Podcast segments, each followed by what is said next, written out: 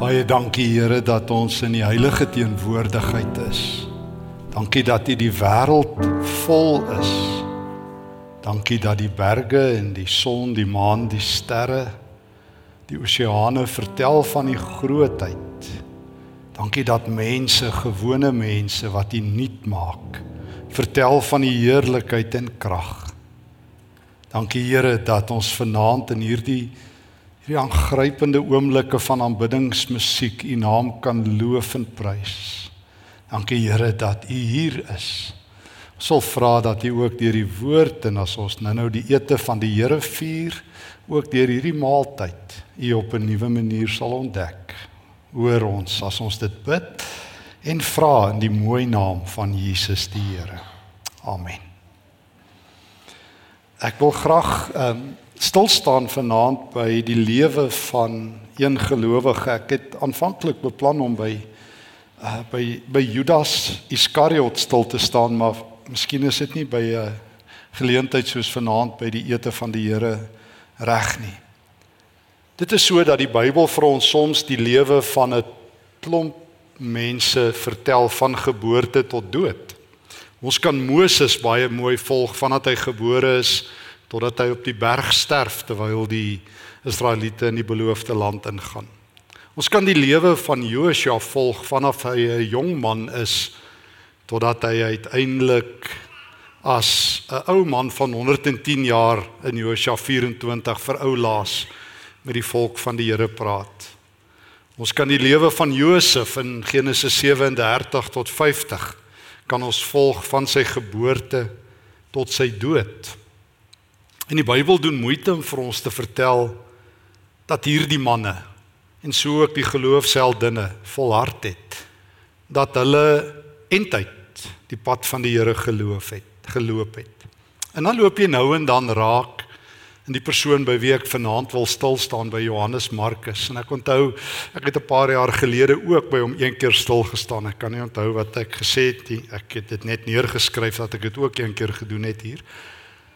En Johannes Markus is hierdie hierdie enigma as jy wil. Een van die minder bekende kan ek dit waag om te sê groot helde van die Here. Ek gaan 'n klompie tekste vanaand lees en hopelik gaan dit ons ook um, so 'n bietjie Bybelkennis gee.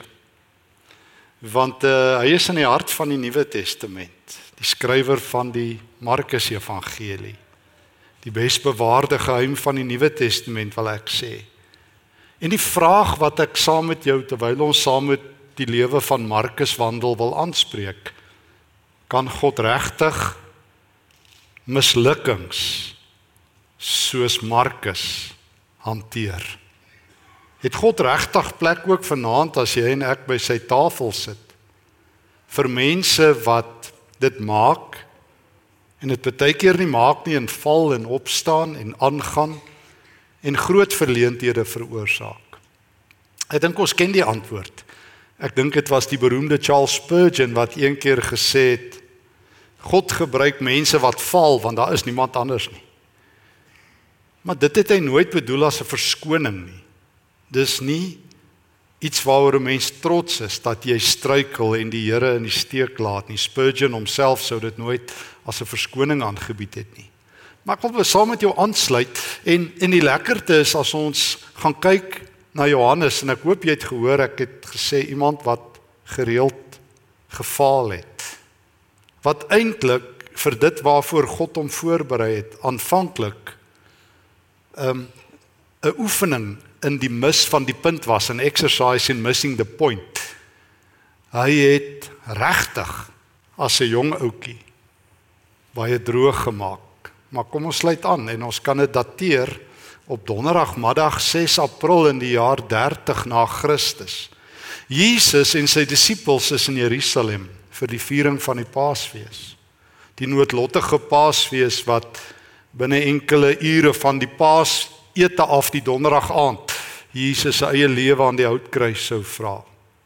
In die donderdagmiddag stuur hy sy disippels om die maaltyd voor te berei en dan vra dan sê Jesus vir hulle in, in Markus 14, ehm um, julle sal 'n jong man raakloop. Gaan Jerusalem toe, Markus 14 vers 13. Daar sal julle 'n jong man raakloop wat 'n water kan dra. Vra dan vir hom, "Waar moet ons die ete van die Here dan die Paasete gaan eet?" En hy sal vir julle die boonste vloer van 'n groot huis, 'n kamer wys, en dan gaan julle daar en maak die ete gereed. Die jong man wat baie van die kerkvaders wat indringend oor Markus gedink het en naby aan die tyd geleef het het ons gesê dis Johannes Markus self. Die bovertrek is dalk die plek en dit aanvaar ons ook waar die Heilige Gees uitgestort is later. Ons gaan nou sien in Markus in Handelinge 12 vers 12 het die vroeë kerk daar saamgekom in die huis van die ma van Johannes Markus om saam te bid. Met eens word 'n gewone woonhuis die fokus in Jerusalem van God se ingrype in die wêreld. En dit begin met 'n jong ouetjie wat eenmiddag loop en water dra want daar was nie lopende water in al die huise nie. Hy het gaan water haal vir sy ma en vir sy pa sodat hulle die Pesach, die Paasete kan vier. En Jesus sê julle sal 'n jong man sien. Jesus het 'n plan. En daardie donderdag aand, wie weet as Jesus daar sit in die grootste ete van alle tyd instel, die ete van die Here wat ons nou-nou gaan vier en hierdie jong man in verwondering sit en Jesus sê dis my liggaam wat vir julle gebreek word. Julle moet dit altyd onthou. Julle moet hierdie ete eet. Oorweldig het hom en in een oomblik as Jesus uitstap en Getsemane toe gaan en 'n paar disippels agterna, is Markus ook agterna, die jong man. En dan lees ek hoe Judas Iskariot, ons ken almal die verhaal uiteindelik as Jesus in Getsemane is, hom kom verraai met 'n soen, hoe 'n klomp soldate of mense van die hoofpriester Jesus vang en hoe Jesus sê verkoop jy my uit met 'n soen Judas? En dan hardloop almal weg en dan hoor ons hierdie verskriklike woorde. Ehm um, Johannes Markus 14 vers 50 Jesus se disippels het almal weggehardloop. Hulle het Jesus alleen gelos by die mense wat hom gevang het. Daar was 'n jong man wat Jesus bly volg het. Dit is die besbewaarde geheim sê ek wat ons nou vanaand ontdek. Daar was 'n jong man. Nou die Griekse woord vir 'n jong man in Janiskos is ja 18 tot 20, miskien selfs 16 tot 20 wat Jesus gevolg het met sy onderkleed, met ander woorde die klere wat jy dra as jy ander mense dien. En toe die ouens sien hy bly op Jesus se hakke, toe kom hulle vir vir Johannes Markus. Hy die donderdagmiddag het hy die eerste keer in sy lewe die seun van God ontmoet. Die aand volg hy hom en met eens bedank hy net daar uit die bewonderaars klap uit. Of doen hy maar wat al die bewonderaars doen, hy hardloop weg, maar hoor die woorde.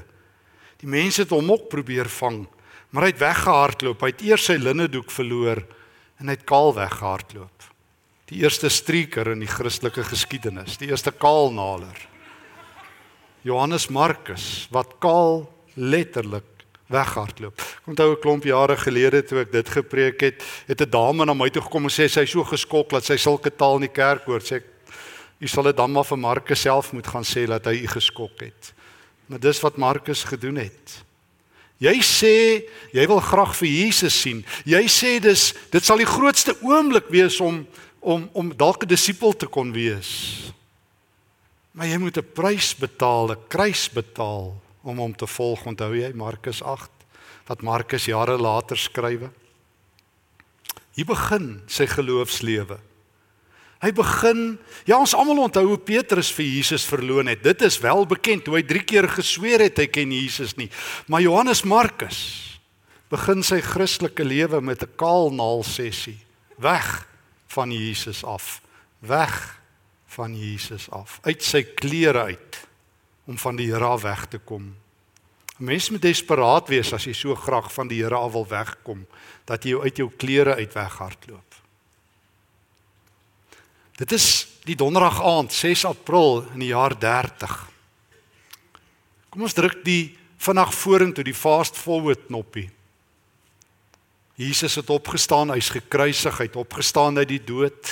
Die vroeë kerk het bymekaar gekom in Johannes Markus se ma se huis, lees ons in Handelinge 1. Die Heilige Gees is uitgestort in Handelinge 2 nadat die kerk volhardend gewag het. En so het die tyd geloop en hierdie jong man het bietjie ouer geword en hy het op sy voete geland in die vroeë kerk het hom terug verwelkom. Mense het seker maar gepraat oor sy eskapade. Maar hy het beleef hoe die groot apostel Petrus en Jakobus en Johannes daar is. En daar was 'n klomp goeie jare dat herlewing in Jerusalem was, dat duisende mense tot geloof gekom het, die kerk het ontplof, Handelinge 2. Hulle was een van hart en sin. En toe veral verander alles, Handelinge 12.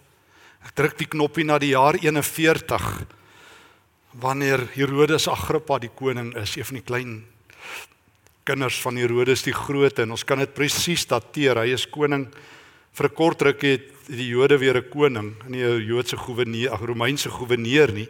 Die nuwe Romeinse keiser stel hierdie vriend van hom aan as koning jaar 41 tot 44 na Christus. En dan besluit hulle kry hierdie klomp Christene uit die stad uit.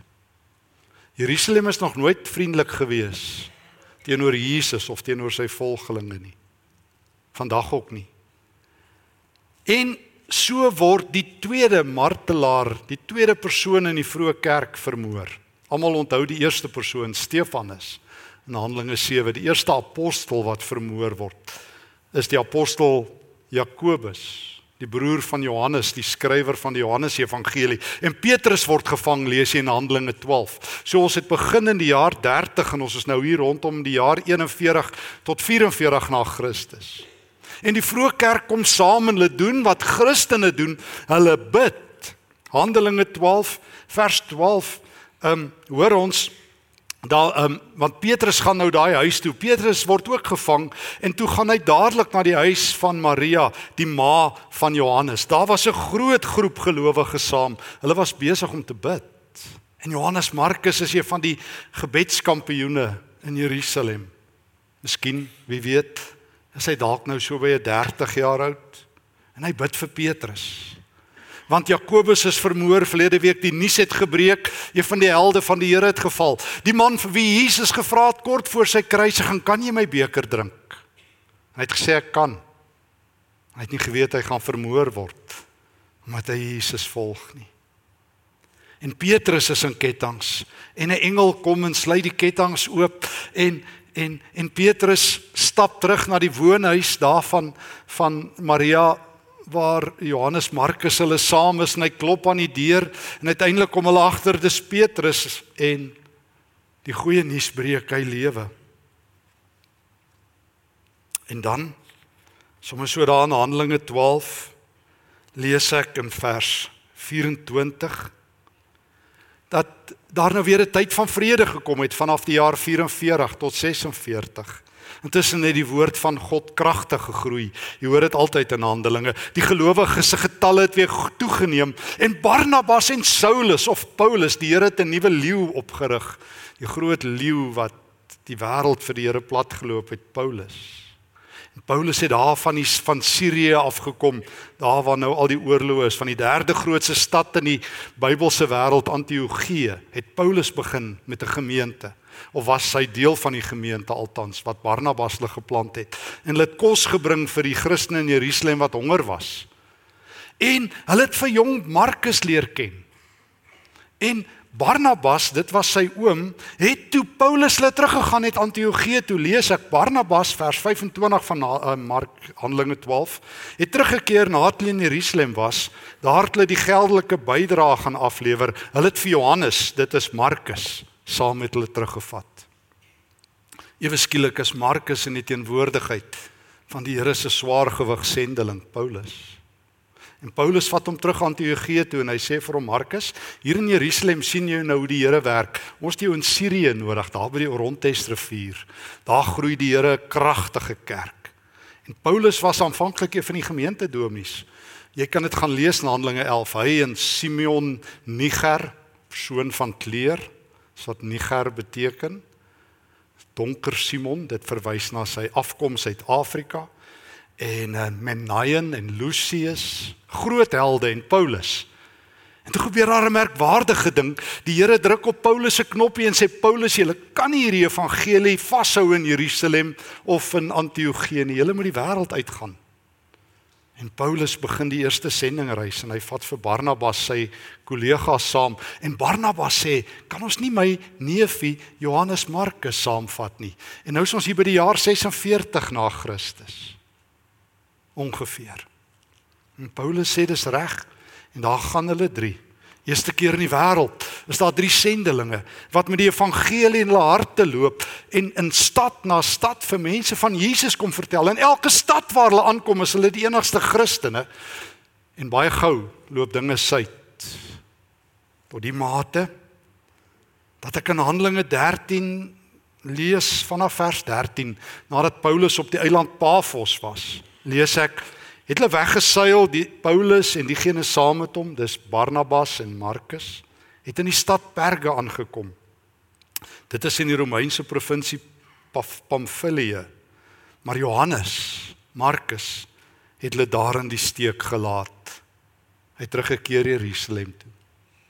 Ek onthou 'n klompie jare gelede ek was so 'n paar kere saam met mense in Turkye gaan loop maar ek het een keer het ek saam met hulle in Perge geloop het so teen die Mediterrane kus aan die onderkant van Turkye. Dit is 'n goed bewaarde stad hierdie stad. Jy kan nog so deur die hekke instap. Ek onthou ek nog so saam met die mense by die hekke van Perge ingestap, die ou antieke hekke. En vir hierdie verhaal gelees op die markplein van Perge hoe die Christendom in een oomblik 33% gekrimp het. Toe Paulus en Barnabas en Markus instap en Markus loop, toe staan net twee Christene oor. Toe dros hy op die sendingveld in die jaar 46. In die jaar 30 laat hy ons Here Jesus in die steek. In die jaar 46 op die sendingveld drop hy vir Paulus en Barnabas in een oomblik. Toe hy sien dis moeilik. Nee, ek het nie opgeteken vir dit nie. Die Here is daar om my probleme uit te sorteer. As jy deesdae Facebook lees, is lyk vir my dit God se nuwe werk. Hy met almal se probleme oplos en vir almal 'n lekker lewe gee want almal gaan deur krisisse. Ek het nog nooit my lewe gesien dat Christene so baie krisisse het soos in 2024 nie. Almal het krisisse en lyk vir my die nuwe werk van die Here is hy het my moet hy moet my deur 'n storm kry. En Paulus sê vir Markus, jong man, Ons is nie op 'n passasiersskip en elke middag 4 uur dan bring hulle vir jou snacks en lekker eetgoedjies nie. Ons is op 'n oorlogskip. Ons is in die Here se loopgrawe. Ek het opgeteken vir Jesus se kruis, het Paulus gesê. Ek het opgeteken vir sy dood.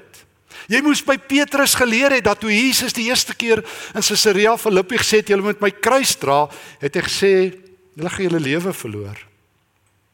Ek is 'n soos Paulus sou sê, 'n dead man walking Ek is 'n dooie man wat lewe, Paulus. Ag Markus, ek het my lewe verloor. Ek is saam met Jesus gekruisig. En Markus sê nee, ek het nog 'n lewe voor. En toe drop hy Paulus. Hulle gaan hy terug Jerusalem toe.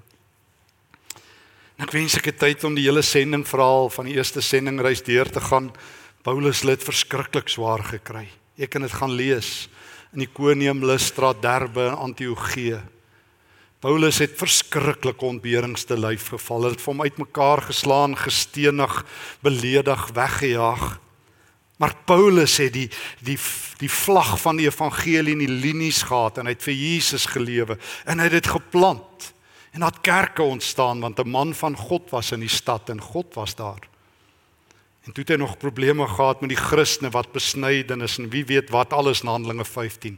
En uiteindelik 'n paar jaar later in die jaar 48, so 2 jaar later, toe hulle in Antiochië terug was, toe lees ek in Handelinge 15 vers 36, het Paulus en Barnabas besluit om weer al die gemeentes te gaan besoek, daar waar hulle lewe in gevaar was. Dit is ongelooflik. Mense kan saam met Paulus geloop het. Maar ek dink jy dit is 'n walk in the park nie. Ek dink jy moes dapper gewees het. Moes jy dapper skoene aantrek. Ruk later, Handelinge 15 vers 36, nou is ons in die jaar 48. Het Paulus vir Barnabas gesê, "Kom ons gaan terug en besoek die gelowiges in elke stad waar ons die woord van God bekend gemaak het. Dan kyk ons hoe gaan dit met hulle." Barnabas wou ook vir Johannes saamvat. Hy word Markus genoem. Toe sê Barnabas, "My neefie is nou reg. Hy sal nie weer nie." Paulus wou hom nie saamvat nie. Vers 7:38. Hy het hulle vroeër in die steek gelaat in Pamfilië. Hy wou toe nie verder saam met hulle werk nie. Paulus en Barnabas het 'n groot argument hieroor gehad. Hulle paaie het geskei en dit elkeen hulle eie koers gekies. Toe staar 'n kerkskering deur Johannes Markus. Jy praat daarvan dat jy sukkel om die Here te dien. Markus het die lisensie om te sukkel en 'n gemors van sy lewe te maak. Jy dink die verlore seun het droog gemaak. Johannes Markus is dalk die groter verlore seun. Hy het Jesus in die steek gelaat en kaal weggehardloop. Hy het Paulus op die eerste sendingreis in die steek gelaat. En nou voor die tweede sendingreis begin, maak hy 'n kerkskering. Die twee groot leeu's van die Here, Paulus en Barnabas wat die guts het, wat geen ander Christen het nie om deur diep in die veld vir die Here te werk. Barnabas wil hom weer saamvat. Paulus sê oor my dooie liggaam. Paulus is nie hard nie. Maar Paulus het nie plek vir Christene nie. Paulus dink nie geloof is soos 'n rugbywedstryd as jy bloei gaan sit jy 10 minute tot jou bloed klaar is en jy bloedbesering het. En as jy jou kop gestamp het staan, moet iemand kyk vir die arme rugbyspelers wat tog nie net dalk 'n bietjie 'n kopstampie het nie. Paulus sê hierdie wedstryd is lewensgevaarlik. Ek vat nie 'n roster saam nie. En daar skei Paulus en Barnabas. Paulus begin 'n tweede reis, Handelinge 16 in die jaar 48. Hy rig twee nuwe jong helde op. Jy ken hulle, Timoteus en Silas, Silwanus. En Paulus begin 'n nuwe reis vir die Here. Wat het met Markus gebeur? Ons bly jy vra. Kom ons druk die knoppie na die jaar 60. Ons het hom raak geloop op die 7de April van die jaar 8 van die jaar 30. In die jaar 60 skryf Paulus die Kolossense brief. Paulus sit in die tronk, wat anders? Paulus se lewe is 'n lewe van groot gevaar. En terwyl hy die Kolossense brief skryf, skryf hy in Kolossense 4 vers 10 iets aangrypend wat my hart gegryp het toe ek dit gelees het. Hy vertel in sy groete aan die gemeente, hy vertel van almal wat saam met hom in die tronk is daar in Kolosse of ehm um, waarskynlik in Rome of elders. Ons is nie seker nie waar hy presies tronkstraf uitdien nie of in Efese. Dan skryf hy in Kolossense 4 vers 10 Aristarchus, dis een van sy helpers groet julle. Hy is saam met my in die tronk. Markus groet julle ook. Dis Barnabas se neef. Ek het reeds vir julle instruksies deurgegee oor hom. As hy na julle toe kom met julle met oop arms verwelkom. O ja, Paulus hou aan. Hy sê Epafras stuur ook groete. Vers 14 en Lukas stuur ook groete. Sjoe, mense ek was in daai tronk. Markus is daar, die skrywer van die Markus Evangelie. Lukas is daar, die skrywer van Lukas en Handelinge. En Paulus is daar en Epafras is daar. Jy wil saam met Paulus in 'n tronk wees, jy sien die Here. Jy wil net nie Paulus teleurstel nie, want Paulus loop op Jesus se pad. Maar laat iets moois gebeur tussen die jaar um 46 en 60. En ons weet nie hoe nie. Maar Markus het weer vir Paulus gevind en Paulus het vir hom gevind. En ewe skielik is hierdie jong man van die jaar 30 teen die jaar 60 is hy waarskynlik in sy 40s. Is hy deur sy ergste geite en sy ergste moeilikhede? Het hy geleer om vas te byt? Want maak nie saak hoe hoe ver hy geval het nie, hy het nooit te ver geval nie. Maak nie saak hoeveel keer hy verdwaal het nie, hy het nooit uit Jesus se hand geval nie. Maak nie saak hoeveel donkerte daar in sy lewe was nie, die goeie herder het hom elke keer kom soek, want dit is die evangelie van Jesus Christus. Dat Jesus sê, as jy van my skape wegraak, of dit jy in Pretoria is op die 25 Februarie 2024, en of jou naam Johannes Markus is, ek sal jou kom soek. Ek het jou naam geskrywe op my handpalm. Ek sal jou kom soek. Ek sien jou kom haal. En ons laaste teks oor Markus. Ek druk hom nog 4 jaar vorentoe, die jaar 64.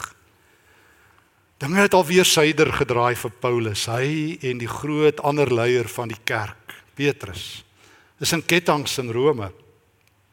Keiser Nero, die mal keiser wat op daardie stadium regeer as die keiser of die koning van die Romeinse ryk. Ehm um, na wie die Kolosseum vernoem is wat julle almal ken in Rome. Dis vernoem na die kolossus, die standbeeld dat 'n 13 meter standbeeld van Nero gestaan. Hy was so lief vir homself dat hy 'n 13 meter hoë standbeeld van homself laat maak het. Die kolossus en die kolosseo is na hom vernoem. En Nero het homself onder andere as die god Apollo beskou. En op 'n dag het hy net dik geraak vir Rome en dit aan die brand gesteek, vertel die kerkvader Eusebius ons. En toe het hy die skuld op die eerste Christene geplaas dat hulle Rome afgebrand het. En toe het hy opdrag gegee en ons kan dit dateer in die jaar Julie Augustus van die jaar 64 na Christus. Ons weet presies, dis tussen Julie en Augustus. Het hy gesê Christene wil ons lig vir die wêreld wees. Kom ons help hulle om te brand. Hulle Christene moet pik besmeer en aan die brand gesteek in die aande. Sê, gaan geen nou vir almal lig op die strate. Hulle wil mos nou Jesus se lig laat brand. Hy het Christene met diervelle laat oortrek en in die arenas gegooi dat die honde en die wilde diere en die leeu's hulle opvreet. En Petrus was in Rome. En ek lees in 1 Petrus 5 kort voor sy dood skryf hy sy twee sy eerste Petrusbrief. Hy skryf hy in die slotwoorde 1 Petrus 5 vers 13 die kerk in Babylon. Dis 'n skuilnaam vir Rome. Wat God uitgekies het net soos vir julle, asook my seun Markus groet julle. Markus sit in die tronk by Petrus. Daar word vertel in die Handelinge van Petrus dat Petrus toe hy toe hy 'n klomp Romeinse vroue het om kom waarsku omdat hy hulle na die Here toe gelei het, dat die Romeinse generaal hom wil doodmaak en die keiser net by Rome uitgevlug en toe hy buite Rome kom daar op die Via Appia, die groot pad buite Rome waarop jy vandag nog kan loop. Toe loop hy en Jesus vas met 'n kruis op sy skouer en Jesus vra van Petrus quo vadis, die bekende Latynse uitdrukking. Petrus, waar gaan jy heen? Hy sê ag Here, ek vlug maar bietjie. En Jesus sê en hy sê Here, waartoe gaan jy? En Jesus stap met die kruis en sê ek gaan Rome toe om weer gekruisig te word, Petrus. Ek gaan Rome toe om by my kerk te wees, Petrus. En toe draai Petrus om en toe word hy gekruisig, so loop die tradisie onderste bo. Toe sê hy as jy my kruisig, doen dit onderste bo. Ek kan nie soos my Here regop hang nie. En in daardie tyd word Paulus in ketTINGS vasgemaak en ek kort voor Paulus se dood dink ek skryf hy sy heel laaste brief, die 2de Timoteusbrief, waar hy vertel dis om die draai my lewe word uitgegiet, sê hy ook vir die Filippense soos 'n drankoffer. Ek het die goeie stryd gestry. En dan skryf hy in 2 Timoteus 4 vers 6 hoe sy einde voor die deur is. Dan skryf hy in vers 9 2 Timoteus 4 Timoteus, jy moet so gou as moontlik na my toe kom hier in Rome. Demas het my in die steek gelaat. Hy het die dinge van hierdie wêreld lief gekry, het pad gegee Tessalonika toe. Crescens het Galasië toe gegaan, Titus is Dalmasië toe, net Lukas is hier by my. En gaan haal vir Markus en bring hom saam met jou. Hy's 'n groot hulp vir my in diens van die Here. Bring vir Markus, hy gaan sterwe. Bring vir Markus en Lukas. Die jong helde van die Here het toe aan diens gebly. En weet jy wat? Petrus is toe dood en die vroeë kerk vertel ons. Daai weke en maande voor Petrus se dood het Markus gaan sit en toe hoor hy die evangelie. Toe hoor hy die verhaal van Jesus. En toe sê Petrus vir hom: "Jy moet dit opskrywe, Markus.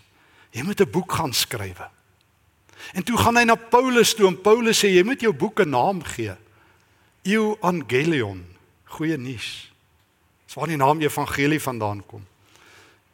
Dis net Markus wat dit gebruik terloops. Al die ander is net opskrifte, nog Lukas, nog Matteus, nog Johannes. Dis maar net hulle opskrifte. Markus praat van evangelion. Paulus het dit 60 keer gebruik.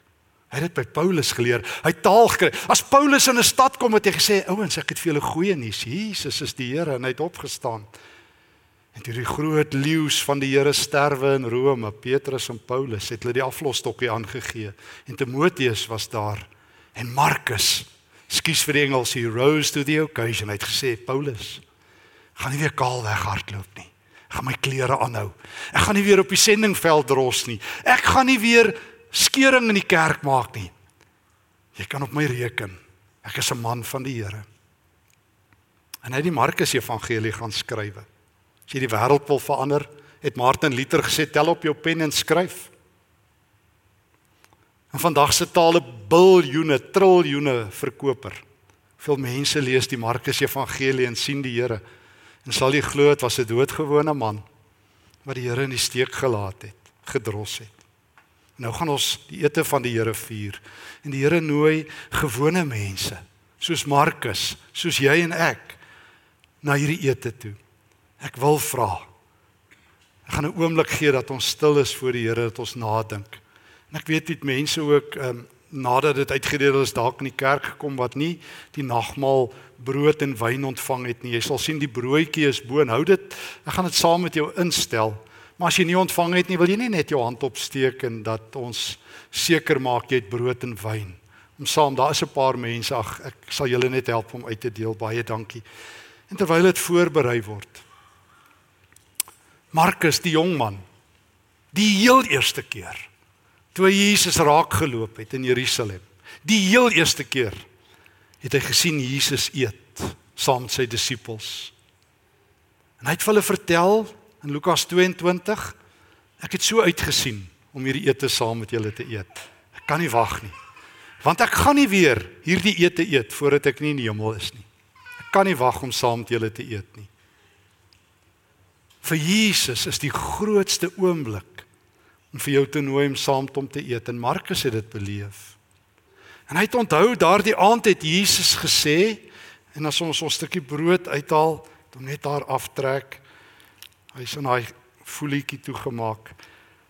En daardie aand het Jesus het hy vertel vir Markus wat dit gehoor het en vir Petrus hulle en vir al die ou disippels disippels wat daar gesit het het hy gesê vir 3000 jaar het die Jode die Pasga gehou maar van vanaand af sit my liggaam Julle moet baie mooi dink as julle eet. Julle moet dit in julle geheue laat ingraveer. Dis my liggaam wat vir julle gebreek word. Want een van die dae gaan ek saam met julle in my Vader se koninkryk hierdie ete weer eet. Daarom neem, eet en glo dat Jesus se liggaam ook vir jou gebreek is.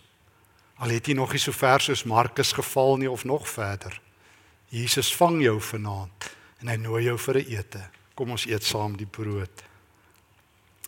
Toe die ete die brood geëet is wat altyd verwys het na die uittog uit Egipte en nou vertel het van Jesus se liggaam aan die kruis. Het Jesus die beker geneem wat die Jode altyd by die Paasfees gedrink het? Daar was 'n paar bekers wyn. En hy het vir hulle gesê van nou af as julle dit drink, moet julle dink en glo dat dit my bloed is wat vir julle vergiet is. Daarom neem drink en dink en onthou dat ek my lewe vir jou aflê. Die ete van die Here gaan vir altyd hou. Jesus onthou dat hy ons elkeen vanaand genooi het vir 'n ete. Hy sê ek sal dit onthou. En ek wil vir jou sê as jy vanaand saam met hom geëet het, sê Jesus vir jou, hy gaan saam met jou 'n groot ete hou in die koninkryk van God. Hy sê in Lukas 22 twee keer ek kan nie wag vir die dag om saam met jou te eet nie. Dit kom daar groot geloofshelde is soos 'n Paulus wat konsekwent op die pad geloop het. En ouens wat 'n lang tyd vat om dit reg te kry, maar weet een ding. Die Here sal die pad wat hy met jou loop klaarmaak. Paulus skrywe, miskien het hy gedink aan Markus toe hy in Filippense 1 gesê het, God sal die goeie werk wat hy in ons begin het klaarmaak op die dag van die Here. Mag jy die Here se woord hoor. Kom ons bid saam. Dan gaan ons staan en 'n lied saam sing. Dankie Here dat ons vanaand saam met Markus kon reis. Dankie Here dat U so 'n jong man so kragtig gebruik het as 'n skrywer van die evangelie. Dankie dat U hom gebrei het, dat U hom elke keer as hy gegly het opgetel het. As hy gestruikel het om nie gelos het nie. As hy kaal weggehardloop het met U liefde om herklee het as hy op die sendingveld weggedros het om weer 'n keer ingehaal het. As hy kerkskeurings gemaak het om nog 'n keer wysheid gegee het en uiteindelik 'n pen in sy hand gesit het en die wêreld verander het. En dankie dat jy my ook nog 'n kans gee. U het dit vanaand gedoen. Ek het saam met u geëet. Dankie Here dat daar ook vir my plek is by u tafel. Ek met al my foute. Ek wat nou kan sê Jesus is die Here. Amen.